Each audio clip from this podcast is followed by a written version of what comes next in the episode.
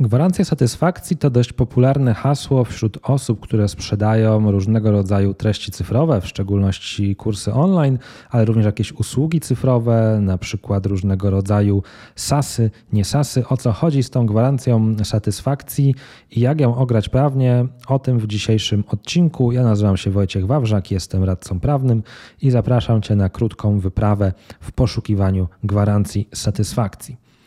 O co chodzi z tą gwarancją satysfakcji? Chodzi o to, że często pojawia się takie hasło, gwarantujemy Ci satysfakcję, jeżeli nie będziesz zadowolony, otrzymasz zwrot wszystkich środków, na przykład w ciągu, nie wiem, 30 dni możesz taką decyzję podjąć. Ta gwarancja satysfakcji jest zupełnie dobrowolnym świadczeniem ze strony sprzedawcy. Żaden sprzedawca internetowy nie ma obowiązku udzielania gwarancji satysfakcji, co nie znaczy jednak, że użytkownik nie może mieć jakichś uprawnień podobnych w tym stylu. Dlaczego? Dlatego, że pamiętajmy, że w przypadku umów zawieranych na odległość, w tym umów zawieranych przez internet, obowiązują przepisy ustawy o prawach konsumenta i obowiązuje to święte konsumenckie prawo do odstąpienia od umowy zawartej na odległość w terminie 14 dni od jej zawarcia.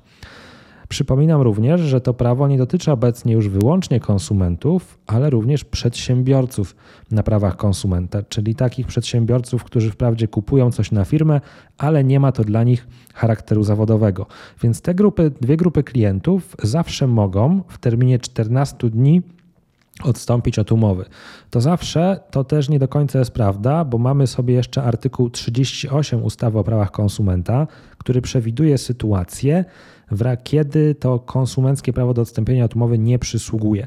Na przykład w przypadku treści cyfrowych jest to sytuacja, w której konsument wyraził zgodę na dostarczenie mu treści cyfrowych przed upływem 14 dni od zawarcia umowy a, i przyjął do wiadomości, że w ten sposób traci prawo do odstąpienia od umowy. Także to, że jest gwarancja satysfakcji albo że jej nie ma, to jeszcze nie oznacza, że nie ma innych uprawnień konsumenckich. Trzeba o tym pamiętać. No i trzeba pamiętać też o tym, żeby nie przedstawiać jako gwarancji satysfakcji czegoś, co de facto wynika z przepisów.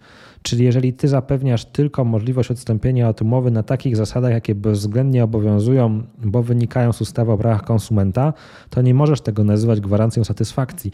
To nie jest żadna gwarancja, to jest po prostu realizacja tego, co wynika z przepisów prawa. Jeżeli natomiast chcesz dawać gwarancję satysfakcji, to możesz to robić, ale żeby mówić o tym, że jest to gwarancja satysfakcji, trzeba ją uregulować w jakiś sposób wykraczający poza to, co wynika z przepisów prawa. Czyli na przykład przyznać to prawo do odstąpienia od umowy wszystkim, konsum- wszystkim klientom, nieważne czy są to konsumenci, czy są to przedsiębiorcy na prawach konsumenta, wszystkim. Można również wydłużyć ten termin, czyli nie tylko mówić o 14 dniach, ale na przykład o 30. I tutaj w razie zarzutu ze strony UOKiK-u, że ta gwarancja satysfakcji jest iluzoryczna i że to jest jakieś wprowadzanie w błąd, bo tak de facto chodzi tylko o uprawnienia ustawowe, zawsze możesz powiedzieć nie, nie, nie, bo uprawnienia ustawowe mówią o tym, że to tylko w ciągu 14 dni konsument może, a ja nie dosyć, że daję wszystkim klientom taką możliwość, to jeszcze w ciągu 30 dni. To jest ważne, bo jeżeli chcesz się w swoim przekazie przekazie marketingowym rzeczywiście posługiwać tym hasłem gwarancja satysfakcji, to ta gwarancja satysfakcji musi dawać coś więcej niż tylko to, co już wynika z bezwzględnie obowiązujących przepisów. No jeżeli decydujesz się wprowadzić taką gwarancję satysfakcji, to pamiętaj, że ona musi mieć również swoje odzwierciedlenie w regulaminie. Czyli w Twoim regulaminie sprzedaży internetowej, w której już z obowiązku musisz uwzględnić te postanowienia dotyczące odstąpienia konsumenckiego w terminie 14 dni, warto również stworzyć jakiś osobny paragraf poświęcony tej gwarancji satysfakcji. I ta gwarancja satysfakcji to najczęściej będzie po prostu umowne prawo do odstąpienia od umowy na jakichś innych warunkach niż to ustawowe. Pamiętaj o tym, żeby faktycznie taki regulamin tą gwarancję satysfakcji obejmował.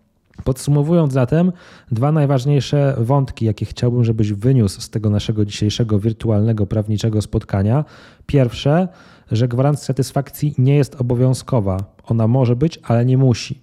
Natomiast jeżeli już ją wprowadzasz, to pamiętaj, że ona musi się czymś odróżniać od tego, co wynika z bezwzględnie obowiązujących przepisów. Nie możesz konsumenckiego prawa do odstąpienia od umowy przedstawiać jako gwarancji satysfakcji, bo będzie to uznawane jako praktyka wprowadzająca konsumenta w błąd.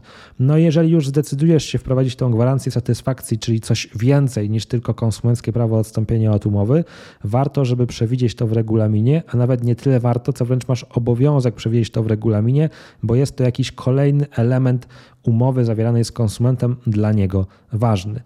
I z tym Cię dzisiaj zostawiam. Jeżeli masz jakieś dodatkowe pytania dotyczące gwarancji satysfakcji, zostaw je w komentarzu lub po prostu napisz do mnie indywidualnie.